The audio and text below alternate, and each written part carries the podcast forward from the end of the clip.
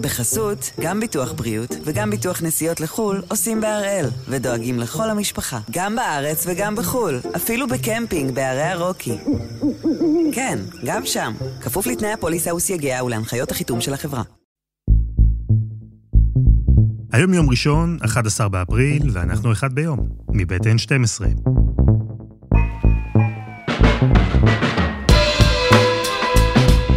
אני אלעד שמחיוף, ואנחנו כאן כדי להבין טוב יותר מה קורה סביבנו.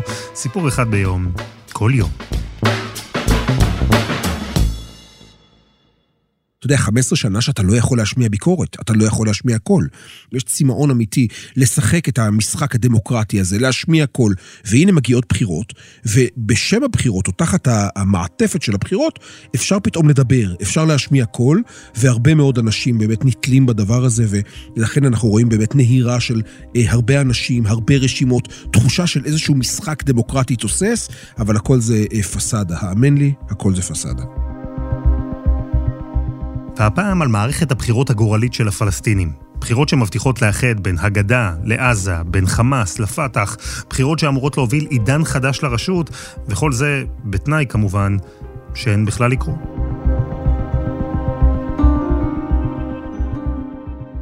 אהלן חמו. אהלן אלעד. מתי בפעם האחרונה היו בכלל בחירות ברשות הפלסטינית? מזמן. אה, דור שלם של פלסטינים לא מכיר אותם. בני 15 ומטה לא מכירים את המושג הזה, בחירות. אה, כמו שמספר לי חבר פלסטיני שאתמול שוחחתי איתו ומציג מועמדות באחת הרשימות, הוא אומר שהבן שלו שואל אותו, אבא, מה זה מג'ליס השרי? כלומר, מה זו מועצה מחוקקת? אינני יודע, לצורך העניין, מה זו הכנסת, מה זה הפרלמנט שלנו הפלסטינים. דור שלם של אנשים שלא מבינים באמת מה משמעות המילה דמוקרטיה, בחירות וכיוצא בזה. למה זה קורה? למה כל כך הרבה שנים המימד האזרחי הזה מהחיים של הפלסטינים נעלם? תשמע, הפלסטינים היו כבר, נגעו במחוזות הדמוקרטיה. זו חברה שראתה את ישראל, חוותה בעצם דמוקרטיה, בעיקר כמובן מישראל, מהשכנה הקרובה, אבל עם השנים, וכמובן כל זה בניצוחו של אבו מאזן, הדמוקרטיה הופכת להיות, הייתי אומר, סוג של אוטוקרטיה, עם אלמנטים דיקטטוריים, עד כדי כך. כך שבעצם אנחנו מדברים פה על 15 שנים שבהם לא נערכות בחירות בשטחים, שה-DNA של החברה הפלסטינית אה, משתנה. מחברה שכן מדברת דמוקרטיה, מדברת יחסית, כמובן, הכל יחסי, באופן יחסי לעולם הערבי, אבל מדברת בחירות, מדברת אה, שיח אזרחי כזה או אחר, אתה יודע, שנוגע במחוזות האלה, זו חברה שמה שמנהל אותה היום אלו 40 אלף נושאי נשק, בעיקר בגדה ועוד כמובן חמאס עם 30 אלף החמושים שלה ברצועת אה, עזה. ואם אתה שואל באופן רשמי, אתה ניגש לאבו מאזן ושואל אותו, בעצם, אדוני, למה לא ניהלת עוד, למה לא קיימת בחירות ב-15 שנה האחרונות? יאמר לך אבו מאזן, הסיפור הגדול זה עזה. רב לכם, ערב טוב. עזה נפלה לידי חמאס. ישראל מקבלת גם בגבולה הדרומי מעוז של האסלאם הקיצוני. כך נראית העיר עזה בשעה זו, רחובות ריקים, התושבים חוששים לצאת מהבית. הפיכה של חמאס בעזה, 2007, אני רוצה להזכיר, יוני 2007, הפיכה של חמאס, ובעצם מאז, אומר אבו מאזן, לא ניתן היה לקיים אה, בחירות. אלא מאי, מה שקרה זה שבאמת, החל מאז, בעצם אין לאבו מאזן לגיטימציה, לגיטימציה חוקית נקרא לזה ככה, כלומר עשור שלם אנחנו מדברים על מנהיג פלסטיני עם כאמור אלמנטים דיקטטוריים בשלטון שלו, שלא באמת נשען על לגיטימציה עממית, ועכשיו זה משתנה. אה, זה מסקרן, כי אם במשך עשור וחצי אבו מאזן מצליח לשלוט בגדה בעזרת מנגנוני הביטחון שלו, ועשרות אלפי חמושים שמשליטים סדר, ולכאורה כל זה עובד עבורו, למה דווקא עכשיו ללכת לבחירות? מה השתנה? יאמר לך אבו מאזן, או יאמרו לך אנשי פת"ח, בעצם הסיפור הוא מבחינתנו הכניסה של ביידן לשלטון בארצות הברית. כלומר, יש איזשהו ניסיון של הרשות הפלסטינית לייצר לגיטימציה מחודשת על ידי הליכה לבחירות. למרות שאני לא בטוח שהם שמעו את הציפייה הזו, לא מהאיחוד האירופי ואולי גם לא מביידן, אבל נדמה לי שכולם הופתעו פה בשכונה הזו. אה, כולם, כולל ישראל כמובן, כולל אה, אה, האחיות הערביות, כפי שהם מכנים אותם, קמים בוקר אחד ומופתעים לגלות שאבו מאזן, שהרשות הפלסטינית וחמאס, מוכנות לעשות את ה extra mile הזה, את הצעד הנוסף הזה, וללכת באמת על הבחירות. דבר שני, אני חושב שיש פה אלמנט פסיכולוגי, עמוק. אבו מאזן אדם מבוגר, בן 85, אדם מבוגר שמתחיל להתכנס לקראת, לקראת הסוף הפוליטי שלו, נאמר זאת כך, אתה יודע, משאיר את ה heritage שלו, את מה שנותר אחריו, את המורשת, נקרא לזה, הפוליטית שלו. ואני לא חושב שאבו מאזן היה רוצה להיזכר כמי שניהל את השטחים בדיקטטורה, אולי בניגוד לרצונם של מרבית הפלסטינים, ולכן הרעיון מלכתחילה היה לזכות ב... לגיטימציה, בהכרה מחודשת, לבוא לעולם, או לבוא, אתה יודע, לשר ההיסטוריה ולהגיד, הנה, אתה יודע, הלכתי על, על, על, על כיוון מסוים, אה, הייתי סומד, מלשון סומוד, זאת אומרת, עמידה איתנה, זה הכיוון שלי, והנה, שמרתי על פלסטין, אה, והצלחתי לעשות את זה עם, עם גיבוי של מרבית העם שלי. תגיד, אלו בחירות אמיתיות, דמוקרטיות? אני יודע, תשמע, קודם כל הבחירות כן, זאת אומרת, אם הבחירות, אה, הבחירות של 2005-2006 היו בחירות אמיתיות, נקיות, כנראה ללא זיופים, בחירות רציניות בהחלט. אתה יודע, דמוקרטיה זה לא רק בחירות, כולנו יודעים את זה. האם יש שיח אזרחי נורמלי בשטחים? לא. האם אתה יכול להשמיע קולות, אה, ביקורת כאלו ואחרים על השלטון? לא. תנסה אלעד, אזרח גדה, תנסה להגיד מילה על אבו מאזן ותמצא את עצמך בכלא, נורא פשוט. אותו דבר ברצועת עזה נגד חמאס, אתה פשוט לא יכול להשמיע שום סוג של ביקורת, והדבר הזה אה, מן הסתם לא יותר מדי ישתנה, אולי קצת, אתה יודע, על רקע הבחירות, אז הנה, עכשיו מאפשרים לנו באמת להשמיע קצת דברים, ואולי להתכנס אה, וכולי וכולי, אבל לא הרבה מעבר לזה. אז במובן הזה, בשטחים אין דמוקרטיה. כמו שאמרתי, הם הולכים לכיוונים אוטוקרטיים כבר הרבה מאוד שנים. חוק הפשעים האלקטרוניים, אני חושב שזה גולת הכותרת, זה חוק שחוקק לפני, לדעתי, משהו כמו שנתיים. תקנה שאומרת, מי שמשמיע ביקורת, למשל ברשתות חברתיות, על הנשיא, על אבו מאזן, יכול להיכנס לכלא בין שנה למאסר עולם. עכשיו בוא תנסה אתה לעשות את זה. אם אתה מזוהה דחלן, עד עכשיו, בחודשים האחרונים, אתה נעצר, אין פה מה לזה. יש לי מקורות טובים, אה, אתה יודע, מזוהה דחלן, שנעצרים אחד אחרי השני. אתה מקבל, את הטלפון, אומרים לך, אתה כלוא, ואז אתה שואל מי? אמרו לך, אתה יודע, סולטה, הרשות עצרה אותו במקרה הזה. זה קורה כל הזמן. אז עכשיו, לכאורה, על רקע הבחירות, אבו מאזן קצת מוריד את הרגל מהגז במובן הזה, הוא לכאורה מאפשר איזושהי פסאדה של דמוקרטיה. זו לא דמוקרטיה אמיתית. בשטחים אין דמוקרטיה אמיתית. פתחתי ואני ממשיך במה שאמרתי מקודם, ילדים ששואלים מה זה בחירות ומה זה פרלמנט. אני חושב שהשאלה הזו תישאר מאוד רלוונטית, נדמה לי גם בעתיד, גם בהמשך.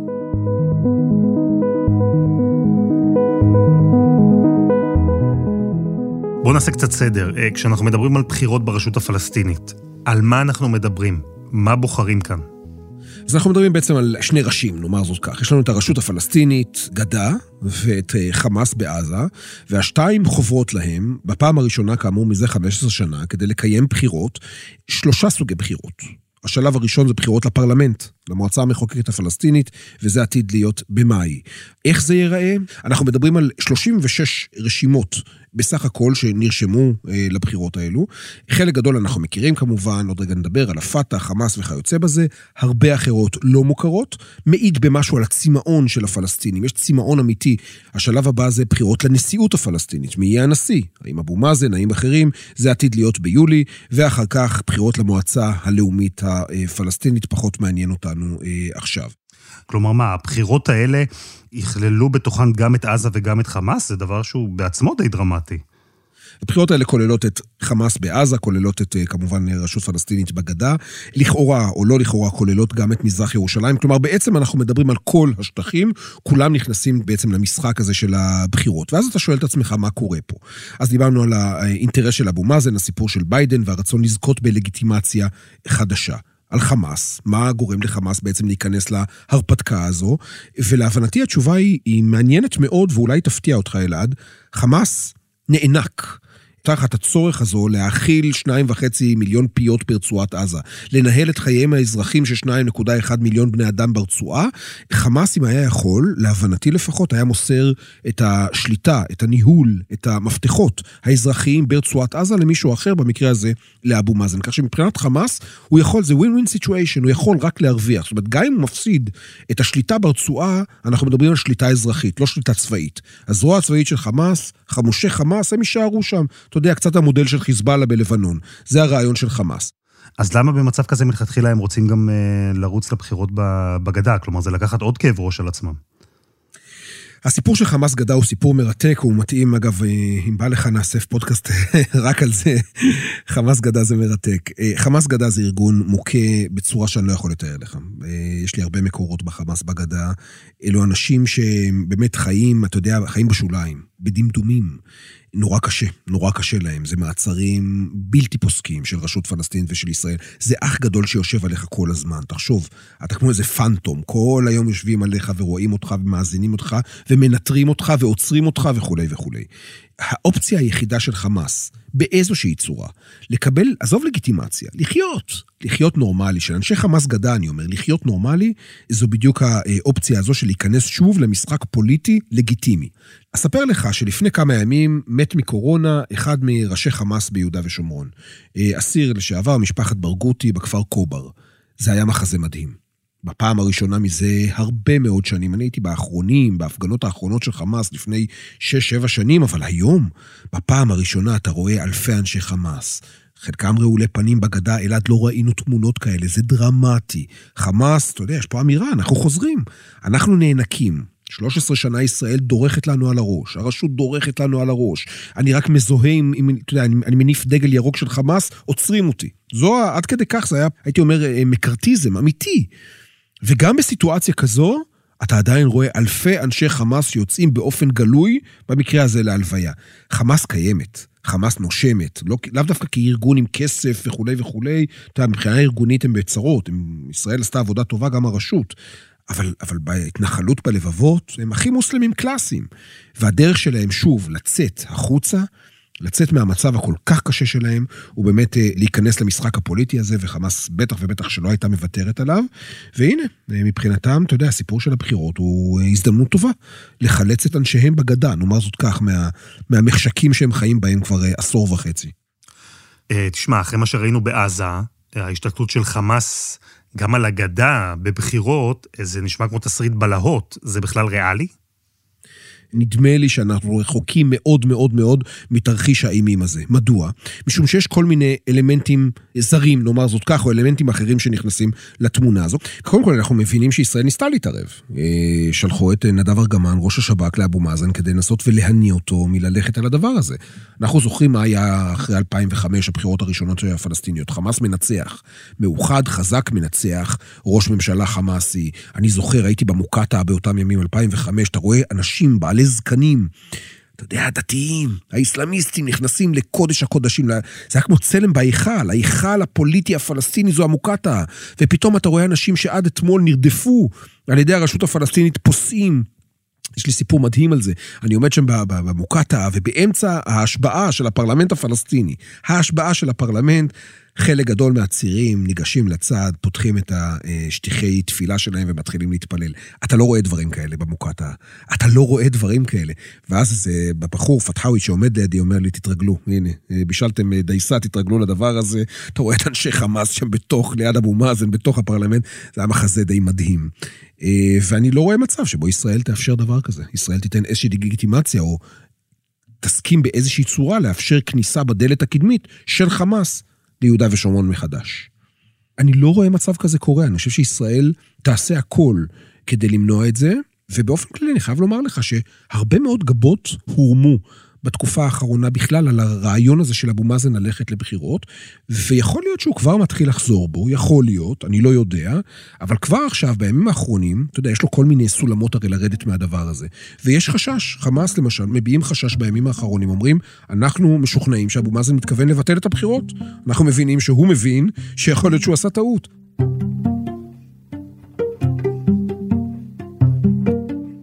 אבל למה בעצם שאבו מאזן יבטל מערכת בחירות שהוא בעצמו אה, קבע ויזם? איש לא כפה את זה עליו.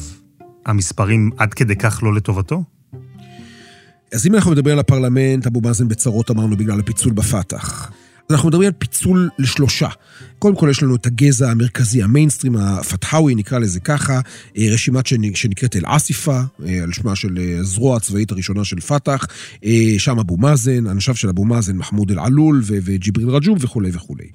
פה יש שני פיצולים, שני פיצולים דרמטיים. האחד, רשימה של מרואן ברגותי. למה ברגותי מעניין? הבן אדם יושב הרי 20 שנה בכלא. מי שעמד בראש התנזים בגדה, הורשע היום ברצח חמישה בני אדם בשלושה פיגועים, בניסיון רצח, קשירת קשר לביצוע פשע וחברות בארגון טרור. אסיר, חמישה מעשרי עולם ועוד 20 שנה או 40 שנה. אה, מרואן ברגותי מבין, ואני שוחחתי מאוד מקורבים, כולל קרובי משפחה שלו, מבין שהדרך היחידה שלו לצאת מהכלא הישראלי זה להציג את עצמו כנלסון מנדלה. זה כבר שנים, זה, אתה יודע, זו הדוקטרינה שלו, ככה הוא עובד. נלסון מנדלה הפלסטיני, רק מתוך מקום כזה של היבחרות לנשיאות הפלסטינית, או יותר מזה, אפילו הצגת מועמדות לנשיאות הפלסטינית, מבחינתו זה מספיק כדי שישראל תבוא ותגיד, אוקיי, בוא נבחן תנאי המאסר שלך, אולי נשחרר אותך. אני פותח עכשיו פה סוגריים ואני אומר, להבנתי, אני לא רואה שום סצנריו בעולם שישראל משחררת את מרואן ברגותי. סגור סוגריים. אבל זאת תפיסת העולם שלו, זה מה שהוא אומר, וזאת דרך הפעולה שלו, של ברגותי. ולכן, האיש שזוכה, לפי כל הסקרים, מרואן ברגותי, לפי כל הסקרים הוא זוכה ברוב של הפלסטינים, ברוב, זאת אומרת, אם הוא ילך לנשיאות, הוא כנראה ינצח את אבו מאזן, הוא הולך על זה עד הסוף. זה הכיוון שלו, מוכן להתפצל מפתח, מוכן לריב שם עם כולם. אני, מרואן ברגותי, רוצה להשתחרר מהכלא, ואני אשתחרר רק אם אני אהיה נשיא פלסטיני, אני אהיה, כאמור, כמו שאמרתי, נלסון מנדלה, וישראל תיאלץ, בהתאם ללחץ בינלאומי שיופעל עליי, אה, על ישראל, כמובן ישראל תיאלץ לשחרר אותי. זו, ו, ולשם אני לא חושב שנגיע. אני לא חושב שנגיע כי זו התאבדות פוליטית של אבו מאזן, זו התאבדות מבחינתה של ישראל. תחשוב על מצב שישראל נאלצת לשחרר את הסמל המדמם של האינתיפאדה השנייה. אתה רואה מצב כזה? אני מתקשה מאוד לראות אה, מצב כזה, מאוד מעניין. אוקיי, אז זה הפיצול הראשון, ברגותי שיצא מהפת"ח ומתמודד נגד אבו מאזן על הנשיאות. מה הפיצול השני? פיצול שני, לא מפתיע אבל קיים, אה, מוחמד דחלן. גם הוא, האיש שהיה בשר מבשרה של הפת"ח, והוא אף, לדעתי, כבר ב-2011, דחלן, הנמסיס הגדול של אבו מאזן, הנה, האיש הזה מקים רשימה, ואנשיו איתו, אה, הרבה אנשי דחלן, דחלניסטים כאלה, אתה יודע, לשעבר, גם נמצאים שם, יש שם כל מיני שמות מאוד מעניינים. אז אנחנו בעצם אה, מדברים על פת"ח, יש את פת"ח הרשמית, את חוריה ואת מוסטקבל, כלומר, את רשימת העתיד ורשימת החירות, שלוש רשימות של הפת"ח, והדבר הזה הוא מעניין. אז אבו מאזן קבע בחירות שהוא עכשיו אולי רוצה לבטל, כי הוא רואה שהוא uh, קרוב להפסיד. המפלגה שלו מפוצלת ומשוסעת, חמאס בדרך להתבסס כגוף משמעותי גם בגדה. זה כמובן מדאיג גם את ישראל שנכנסת לקלחת, נשמע לי כמו בלאגן רציני. אם אבו מאזן באמת רוצה עכשיו לבטל את הבחירות, איך הוא יכול לעשות את זה? איך הוא יעשה את זה? יש לו מלא מלא... אה, כמו שאמרתי, סולמות, אחת מהן, הסולם המרכזי אולי זו ירושלים. אה, אם ישראל, לצורך העניין, מונעת ממזרח ירושלמים להצביע, יבוא אבו מאזן ויגיד, אני לא מוכן לקיים בחירות בלי ירושלים. מבחינתי ירושלים זה, אתה יודע, זה הדבר הכי משמעותי בפלסטין. לא רק אני אומר את זה, חמאס אומרים את זה. השבוע חמאס תוקפים את אבו מאזן על הסיפור של מזרח ירושלים ואומרים, הנה, התירוץ מגיע. אה, ואנשיו של אבו מאזן כבר תוקפים אותם אה, בחזרה. יותר מזה, אנשיו של אבו מאזן כבר נשלחו השבוע לחזית כדי לדבר על מזרח ירושלים, אולי כדי לבנות באמת את התשתית, נאמר זאת כך, לביטול עתידי. אינני יודע. אבל זה, זה הסיפור. אה, הסיפור הוא שזה יכול להיות מזרח ירושלים, זה יכול להיות הרבה דברים אחרים. אם אבו מאזן ירצה, יחפש את העילה לרדת מהסולם, לרדת מהעץ שהוא טיפס עליו, אני מניח שלא נורא יהיה קשה לו למצוא את זה. ועוד הנחה, מובלעת או לא מובלעת, כנראה שגם שמה של ישראל ישתרבב בדבר הזה.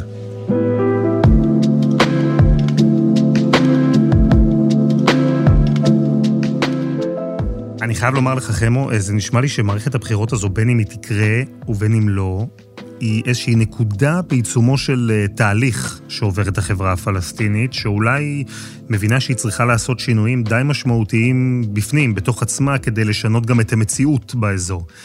יש פה אולי ניסיון אה, לשרטט נרטיב פלסטיני חדש? הפלסטינים מגדירים את עצמם, יש כל מיני קולות שאני שומע, שמדברים על זה שאנחנו היום חווים את ה... הם חווים את הנכבה השנייה. אה, הנכבה, האירוע המכונן, הגדול, ההיסטורי, אתה יודע, אה, האסון הגדול של 48, אה, ואני אומר זאת כך, נדמה לי שהפלסטינים מעולם, מצבם מאז 48, לא היה כל כך גרוע, עד כדי כך.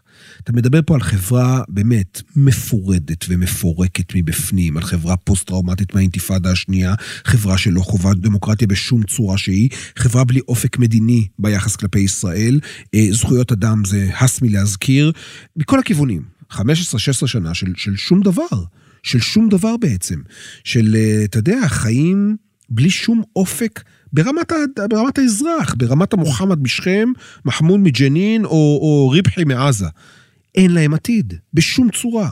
ולכן יכול להיות, אתה יודע, שאני לא חושב שאבו מאזן כיוון לשם, אבל יכול להיות שהדבר הזה במובן מסוים נועד באיזושהי צורה כן להפיח חיים או לתת משהו חדש. זאת אומרת, לייצר איזשהו, אה, איך נקרא לזה?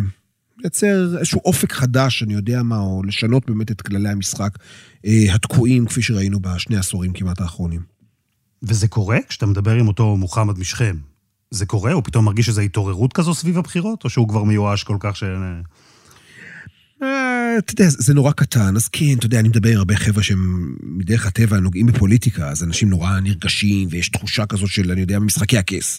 משחקי הכס בשטחים, ברמאללה, התרגשות, אתה יודע, עוד אה, קולות, ואני יודע מה זה, זה, זה אחד מספר לי שהוא רשימת פת"ח, והוא רשימת סלאם פיאד, והשלישי בחמאס, והכל נורא נחמד וכולי וכולי. בסוף האזרח הפשוט, אני לא בטוח שזה ממש נוגע אליו, אני ממש לא בטוח. אגב, זה כן מעניין אותם. אתה יודע שבשטחים, כדי להיבחר, אתה צריך להירשם מראש. אז אה, שניים וחצי מיליון בני אדם כבר נרשמו. שזה מספר גדול מאוד, זאת אומרת 93 אחוז מהבוחרים הפלסטינים כבר נרשמו זאת אומרת, לאפשרות להיבחר, שזה מספר אדיר, 93, זה כן מביע, על, מעיד על עניין מסוים, או עניין גדול אפילו. אה, עד כמה זה יתורגם בקלפי זו כבר שאלה אחרת, שאלה מעניינת בפני עצמה. ואם בסוף הדבר הצפוי יקרה והבחירות האלה יבוטלו, מה זה יעשה לדעתך לרחוב הפלסטיני? אני חושב שזה יעמיק את התחושה של, אה, אתה יודע, מה שהיה הוא שיהיה, זה יעמיק את הייאוש. זאת אומרת, אם יש עכשיו איזשהו, בכל זאת, אה, משהו נזרק לחלל האוויר, איזשהו משהו שאולי בדרך זו או אחרת עשוי קצת לשנות את המצב, אז אם אנחנו חוזרים בעצם אחורה, אה, נדמה לי שזה יכול רק להעמיק את הייאוש, אכזבה, תחושה ששום דבר לא ישתנה. אתה יודע, זו, זו התחושה השלטת בשטחים כבר הרבה מאוד שנים, ואני חושב שזה יכול רק, כמו שאמרתי, להעמיק אותה.